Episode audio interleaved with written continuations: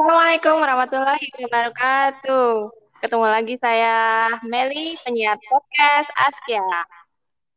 Askia Soleh berilmu manfaat. Alhamdulillah pada pagi hari kita kedatangan tamu istimewa yaitu Bapak Juri Al Has Al Asgar. Aduh. Assalamualaikum Bapak. Waalaikumsalam warahmatullahi wabarakatuh, uh, Ibu. Uh, juga pendengar di mana pun Anda berada, selamat siang.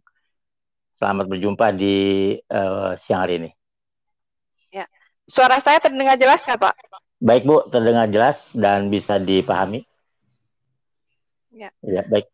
Uh, pada acara bincang kita kali ini, kita ingin mengulik apa sih uh, mengulik tokoh di balik Asia gitu pak. Baik bu. Nah kebetulan pada kesempatan kali ini Pak Juri lah yang uh, diminta untuk mengungkapkan jati diri bapak. Iya baik bu siap. Silakan pak. Iya Iya, baik Bu. Uh, pertama saya uh, mengucapkan Assalamualaikum warahmatullahi wabarakatuh. Allahumma sholli ala Muhammad wa ala ali Muhammad. Perkenalkan nama saya Juhri Al Ajhar, uh, nama panggilannya Juhri. Jabatan saya uh, di Ajkia uh, adalah bidang hubungan masyarakat. Dan saya sudah menikah beralamat di Desa Warujaya RT 7 RW 3 Kecamatan Parung Kabupaten Bogor. Uh, dengan memiliki uh, tiga anak, dua laki-laki dan satu putri. Istri satu, Bu. Makasih, Bu. Oh, yang benar, Pak. Bapak sudah menikah dan punya anak. sudah, Bu. Soalnya tidak tidak apa ya, ya tidak mencerminkan hal itu kalau di iya. sekolah gitu. Iya, iya. Udah tua, Bu, 55, Bu. Oh, gitu. Baik. Uh, sejak tahun berapa sih Bapak bergabung di Askia? Iya, baik Bu. Terima kasih. Saya bergabung uh, di Yayasan Pikruna dan di SDT Azkia pada tahun 2012 Bu uh, di sana dan termasuk sekarang ini udah paling tua Bu. Terima kasih Bu itu Bu. Oke. Uh, begitu masuk sudah jadi humas atau mengajar dulu? Uh, oh iya Bu, ini merupakan perjalanan yang panjang Bu Pertama, uh, sebelum saya uh, kenal dengan Acia, saya pertama uh, disampaikan oleh teman saya untuk uh, melamar. Uh, yang anehnya saya bu di bidang uh, olahraga, pendidikan jasmani. Ya walaupun memang saya pernah ngajar di beberapa sekolah ngajar olahraga. Ya, ya. ya gitu seperti itu. Jadi pertama kali saya bertemu dengan uh, Bapak Haji Fikri uh, selaku ketua yayasan dan juga kepala sekolah waktu itu saya hmm. uh, menjabat sebagai guru olahraga Bu. Seperti itu Bu. Baru selanjutnya uh, saya dimandatkan menjadi uh, bidang humas hubungan masyarakat seperti itu Bu. Dan sekarang ini saya uh, karena suasananya waktu itu uh, ya olahraga, lalu saya mengambil alih gitu hasil kesepakatan uh, kepala sekolah saya uh, menjadi guru uh, teknik informasi dan komputer Bu seperti itu Bu. Oh, masih jadi guru teknik informasi dan komputer? Uh, semua sekarang masih Bu, uh, cuma sekarang saya ada asisten, uh, ada ada yang membantu saya karena uh, Pak Rusia juga saya harus ada yang bantu dan tentunya untuk mengingatkan uh, kerja saya dan juga barangkali saya lebih konsentrasi kepada uh, bidang hubungan masyarakat Bu seperti itu. Iya. Oh ya, ada kesan-kesan nggak sih Pak Wah, dengan para siswa Askia sewaktu Bapak dulu masih mengajar? Luar biasa, Bu. Yang pertama, saya uh, kesannya barangkali sangat mendalam di ASK itu. Saya terus terang aja banyak beberapa sekolah yang saya pernah uh, bertugas ngajar, baik di SMP, di madrasah, dan juga di SMK. Anak AJ itu orangnya unik-unik, Bu. Dari mulai pertama delapan orang, ya? unik, Bu. Jadi dari mulai delapan orang sampai enam orang, sampai sekarang jumlahnya 200, itu sang, mereka latar belakang mereka ya barangkali ya menengah ke atas bu seperti itu oh. uh, menengah ke atas dan tentunya uh, mereka itu anaknya cerdas-cerdas uh, anaknya juga pemberani gitu. Tinggal kita bagaimana mengolah anak-anak itu menjadi anak-anak yang menjadi pemberani dan anak-anak cerdas gitu. Jadi banyak pengalaman gitu. Jadi ya ada pengalaman-pengalaman yang ya keunikan anak lah. Intinya anak anak Aceh itu bukan nakal sebetulnya. Jadi unik. Unik dan barangkali anak itu uh, ya kebiasaan anak rata-rata lah gitu. Bagaimana menunjukkan kekreatifan mereka dengan cara-cara masing-masing Bu. Seperti itu Bu. Oh, pernah nggak Bapak dikerjain? Istilahnya dikerjain sama anak-anak? Ya, barangkali itu sih bukan kerjaan Bu ya, bukan dikerjain. Jadi bagaimana anak itu ada rasa keakraban uh, kepada gurunya dengan cara mereka masing-masing. Nah, contohnya ya mereka suka menukar apa menukar sepatu dengan sepatu orang uh, dengan sepatu yang lain gitu. Ada juga ya kan sepatu kita lepas gitu. Ya terkadang uh, yang lucu saya pernah ini butuh pernah pulpe uh, apa uh, ditajemin tuh butuh ditajemin uh, uh, pingsil pingsil. Ditajemin tajam runcing gitu. Kita sedang konsentrasi dari belakang mereka nonjok belakang gitu tuh. Pakai pingsil ya kan kita kaget bu gitu jadi kaget ya kadang itu ya itu keunikan jadi bagaimana mereka menjadi perhatian uh, kepada teman-temannya Uh, jadi uh, di menjadi perhatian teman-temannya Nah, kita sebagai gue jadi sasarannya gitu. Jadi ya tapi tetap kita bahagia seperti itu karena apa? Itu merupakan hiburan ya. Jadi hiburan eh, bagaimana anak-anak kita dekat dengan kita gitu. Jadi itulah eh, jadi dengan jumlah anak sedemikian banyak keunikan, keragaman dan lain sebagainya eh, itu yang kita rasakan di sekolah Kia gitu. Ya. Itu Bapak pernah marah nggak sih sama siswa-siswi Askia ketika mereka misalnya tadi menukar sepa, sebelah sepatu Bapak, menusuk pakai apa pensil hmm. yang sudah diruncingkan gitu. Jadi pernah marah nggak Pak? Jadi gini Bu, ya di tempat lembaga pendidikan itu kalau kita uh, kesimpulannya marah, kita jangan jadi guru Bu, kita jadi security. Nah, gitu. Jadi jadi security kalau kita mau marah jadi diusahakan kita bagaimana kita ambil uh, positifnya jangan negatif sehingga buat kita itu jadikan sebagai pem, apa uh, sebagai pengalaman, sebagai hiburan, sebagai bagaimana kita kedekatan terhadap anak. Jadi jangan uh, kita nggak jadikan sebagai marah. Kalau kita marah nanti ya kita kan bisa masuk KPA Ibu gitu dibully gitu bisa bisa bu gitu ranah hukum kita masuk jadi yang pertama eh, bagaimana kita menyikapi hal tersebut sebagai uh, rasa bahwa anak itu kedekatan terhadap kita seperti itu bu mm -mm. Iya. Uh, kalau di ASKI ya selain guru tadi Bapak bilang sebagai humas juga ya. Iya, Bu. Nah, ada tidak suka dukanya saat menjadi humas? Nah, ini pertanyaan ini yang barangkali pertanyaan yang saya tunggu-tunggu. humas itu menjiwai Iya, kalau saya uh, kurang lebih saya sudah lima tahun bu ya humas. Uh, saya bersyukur uh, Allah sudah mentakdirkan saya menjadi seorang yang ada di lingkungan Akia dan dipercaya menjadi humas. Karena kenapa? Kalau namanya kerja itu ada suka dan dukanya ya apalagi saya saya berhubungan langsung dengan beberapa wali murid.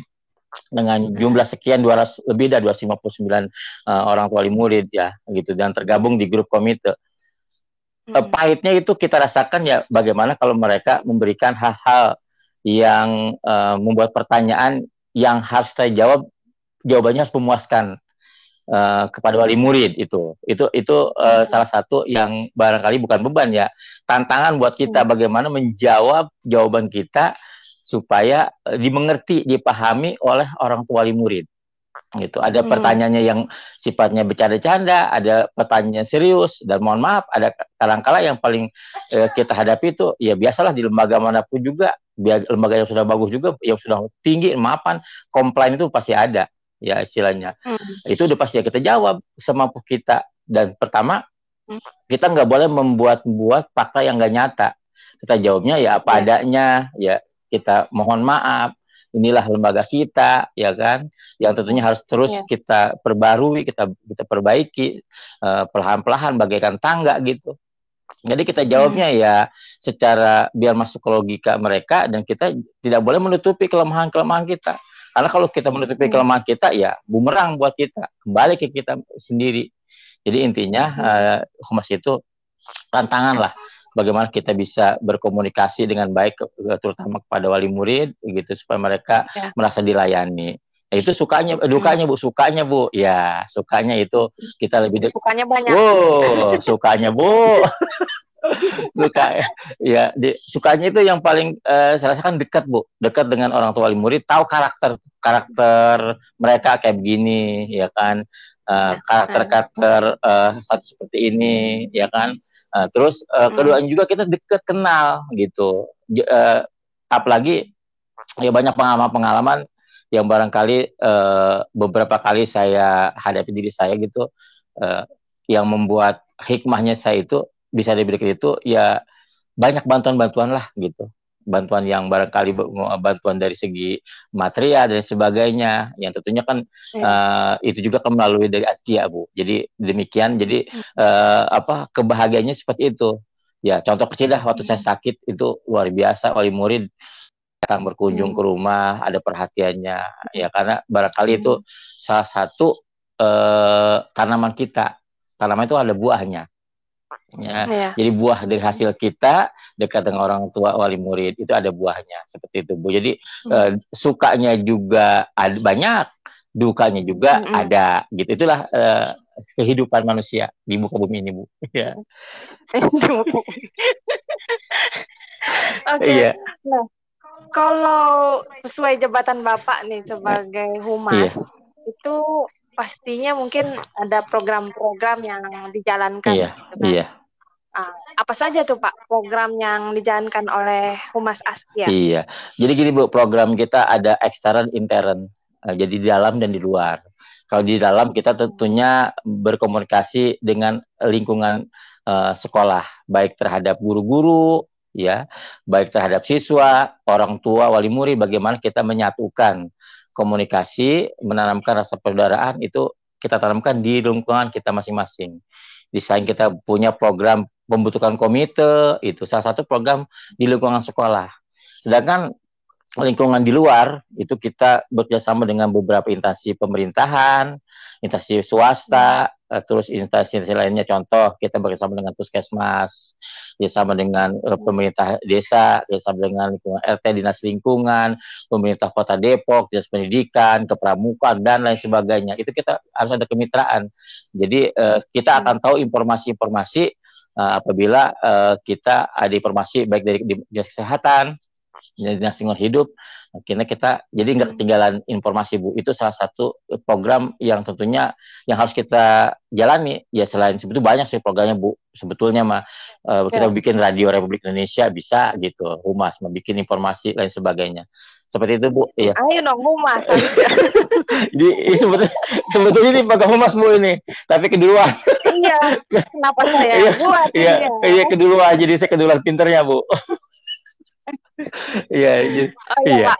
Ini ada pendapat juga mungkin hmm. di masyarakat ya. Iya. Sekolah yang bagus itu yang isinya yang sudah senior-senior seperti itu. Hmm. Ya, guru-gurunya juga sudah ya berumur senior dalam hal pengalaman. Hmm. Sedangkan kan di Askia itu kan banyak banyak yang mudanya. Hmm. Nah, kecuali Bapak. Iya, iya, nah, itu uh, bagaimana uh, pendapat Bapak mengenai persepsi mungkin sebagian masyarakat tentang uh, sekolah yang bagus? Iya, baik saya Bu. Yang pertama gini Bu, Seni, bicara senior itu bukan bicara usia Bu. Ya, orang tua oh. belum tentu senior. Ya, anak muda belum tentu nggak mampu. Jadi bicara senior itu mereka yang barangkali memiliki kemampuan baik di bidangnya ada rasa loyalitas terhadap suatu lembaga itu terpenting dalam lembaga. Nah, kalau mereka pintar aja kalau nggak loyalitas akan jatuh lembaga itu bu. Yang pertama itu dia pintar, loyalitas dan profesional gitu. Jadi uh, kalau pada masyarakat uh, itu udah pasti karena mereka barangkali uh, satu tujuan dia bagaimana dia memasukkan anaknya ke lembaga itu punya kemampuan dan punya harapan buat orang tua. Makanya dia pertama ya. bagaimana melihat uh, guru yang profesional, artinya di bidangnya. Jangan nanti guru bahasa Indonesia atau guru uh, bidang tertentu yang tidak mampu di bidangnya gitu. Guru bahasa Inggris tidak mampu dengan bahasa Inggrisnya, mampunya bahasa Sunda itu hmm. Uh, itu uh, salah satu uh, bagaimana penerapan nilai-nilai profesionalisme gitu. Nah, di situlah uh, ada manajemen di satu lembaga yang yang uh, manajemen itu bertugas untuk mengatur bagaimana uh, mengkondisikan bidang-bidang tertentu untuk diterapkan sebagai guru tertentu dan wali kelas dan sebagainya. Jadi bicara pro profesionalisme itu bukan dari faktor usia. Jadi kalau orang orang tuh orang di lingkungan lembaga apa di lingkungan masyarakat bertanya, uh, ini Askia lingkungannya orang uh, uh, udah tua, gurunya tua-tua enggak? Nah, nah itu kita jawab ya gurunya ada yang tua ada yang muda, jadi berimbang gitu. Jadi uh, orang tua juga belum tentu profesional, anak muda juga belum tentu tidak mampu. Jadi intinya ada keseimbangan lah bu, gitu. Seperti itu bu. Nah untuk saat sekarang ini Pak, kan kita udah lama nih istilahnya terkurung di rumah nah. kan karena pandemik gitu kan ya. Nah itu kan ada pem, apa program dari sekolah kita yaitu pembelajaran jarak jauh hmm. ya menggunakan uh, seperti apa menggunakan sistem online seperti Google Form, hmm. membuat video, menggunakan aplikasi Zoom, ada Google Classroom dan sebagainya. Nah, pastinya itu kan ada kendala-kendala ya, yeah. Pak. Nah, dari dari pengamatan Bapak itu eh, bagaimana sekolah menghadapi uh, sistem pembelajar sistem pembelajaran jarak jauh dan kendala-kendalanya? Iya, begini Bu, semua ini ada hikmah di balik corona COVID-19 ini. Hikmahnya ada. Yang pertama, uh, bagaimana seorang guru menguasai ilmu IT. Kemampuan bagaimana menerapkan pembelajaran dari jarak jauh. Kalau SD Azkia saya rasa udah nggak aneh lagi Bu di Azkia Nah, karena apa? Askia sudah memiliki sisi informasi pendidikan. Jadi barangkali orang tua sudah bisa membuka sisi informasi pendidikan. Jadi uh, sudah bisa terkendali uh, dengan sisi pendidikan, pendidikan sisi informasi pendidikan tersebut. Jadi uh, udah tidak aneh lagi bu bahkan orang tua sudah sudah hampir semuanya uh, memahami dan uh, mengikuti kegiatan pembelajaran dari jarak jauh dengan sistem informasi pendidikan tersebut. Mereka cuma bisa membuka dengan punya paspor sendiri dan sebagainya. Jadi uh, sudah bisa diatasi dan sudah bisa ditangani oleh lembaga uh, SDT Azkia tersebut seperti itu. Jadi uh, yang pertama memang salah satu uh, pembelajaran jarak jauh ini memang punya tantangan yang luar biasa. Pertama tantangannya bagaimana uh, kesiapan paket data ya itu paket data baik orang tua ataupun guru. Nah, itu paling paling dominan apalagi guru yang hidupnya di jalur uh, pedalaman ya dengan ya dengan komunikasi apa dengan paketnya ya, terputus-putus dan sebagainya dengan ya, nggak punya paket dan sebagainya itu bagai terkendala.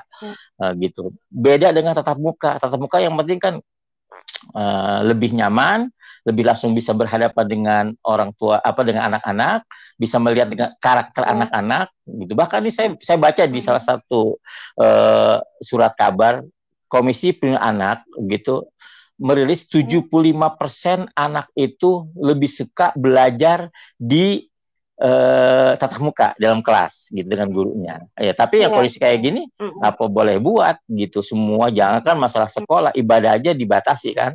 Artinya tidak berjamaah di masjid itu. Iya. Jadi uh, bagaimana kesiapan suatu lembaga menyingkapi hal seperti ini. Ya, juga orang tua. Nih, orang tua sekarang sudah mulai di kalau saya pantas sebagai humas nih, orang tua menjerit, Bu menjerit. Ya, ya menjerit oh. kenapa? Menjeritnya barangkali dia rasakan sendiri sekarang bagaimana betapa susahnya ngajar, betapa susahnya istilahnya uh, tugas dan fungsi guru gitu. Mereka sekarang jadi ibu rumah tangga, jadi guru, double pekerjaan sekarang. Yang nah, nah hampir-hampir. Apalagi anak kelas 1 Ya terus uh, mohon maaf ya, ada guru-guru yang barangkali tidak menguasai ilmu-ilmu uh, tentang uh, pembelajaran, ilmu-ilmu tentang uh, teknologi gitu kan. Uh, jadi otomatis uh, membuat kesusahan wali murid. Apalagi ada wali murid yang cuma begini, eh, menyatakan guru cuma ngasih soal, ya kan beban, ya. itu beban bagaimana hmm. soal diberikan terus tetapi tidak diberikan penjelasan gitu kalau tatap muka kan ditulis papan tulis ya kan ya, ditulis dijelaskan tapi kalau di melalui online ini otomatis kreativitas guru-guru bagaimana membuat kreativitas ya berupa video. Kenapa? Hmm. Pengganti papan tulis itu video. Seperti itu, Bu. Nah, pengganti itu video. Jadi bagaimana bisa mengkreatifkan belajar dengan jarak jauh. Itu itu hikmahnya, Bu. Jadi pertama orang hikmahnya nih Bu ya, orang tua jadi guru, bisa jadi guru ya kan hikmahnya. Guru yang tadi tidak mampu dengan teknologi ya jadi mampu menguasai teknologi. Ini hikmah daripada adanya Covid-19. Nah, tentunya di Askia alhamdulillah sudah siap dengan uh, belajar dengan jarak jauh dan alhamdulillah uh, yang saya rasakan tidak ada kendala nih. Jadi orang tua itu uh, menikmati, yang penting tinggal bagaimana konsep gurunya aja gitu. Untuk uh, apa? Untuk hmm. sisi informasi pendidikan orang tua sudah tidak ada kendala lagi dan uh, alhamdulillah hmm. bisa berjalan dengan lancar. Itu Bu uh, yang saya bisa sampaikan Bu. Mungkin juga uh, satu kelas dengan kelas yang lain uh, berbeda menggunakan apa uh, sistemnya ya Pak. Mungkin ada yang menggunakan yeah. Zoom, ada yang hanya apa video mm -hmm. call ya WA. Itu tergantung dari uh, kekuatan sinyal dari handphone masing-masing hmm. ya mungkin. Iya. Bukan kuat, bukan kekuatan sinyal handphone bu, kekuatan paket datanya. Apalagi kalau di kampung kayak gini ya pun bambu. Waduh, udah repot bu. ngangkut ke mana-mana sinyalnya iya. juga. Oke, okay. ya baik sebagai iya, penutup yeah, uh, dari acara bincang kita ini ada tidak pesan-pesan atau mungkin uh, ucapan terima kasih atau yang lainnya kepada para pendengar kita, ayah bunda, siswa-siswi Astia di rumah? Baik, uh, para pendengar, khususnya uh, ibu dan para wali murid, siswa-siswa SDT Askia, di mana pun berada, selamat menjalankan tugas di bulan Ramadan ini. Perbanyak amal ibadah, tetap di rumah, jaga kesehatan, dan selalu menjaga keluarga kita dari hal-hal yang tidak kita inginkan. Buat anak-anak sekalian, tetap belajar di rumah, jadi anak yang soleh, berilmu dan manfaat, tentunya jadi harapan keluarga, jadi harapan uh, sekolah, jadi kebanggaan nusa bangsa dan agama. Terima kasih banyak. Mudah-mudahan selalu bisa menjadi uh, kebanggaan SDT Akia. Selamat siang. Wassalamualaikum warahmatullahi wabarakatuh. Bu gitu Bu ya. Iya, terima kasih Mbak Juri atas waktunya. Sampai gitu, sampai bertemu lagi. Kita nanti di sekolah kesayangan kita. Dan semoga pandemik se, apa segera iya, berlalu. Yeah, ya kita bisa berkumpul yeah. lagi. Dan para pendengar semua uh, saya Meli mengucapkan jaga terus kesehatan Anda. Semoga sehat selalu. Stay at home Jangan lupa stay tune di podcast Askia. Wassalamualaikum warahmatullahi wabarakatuh.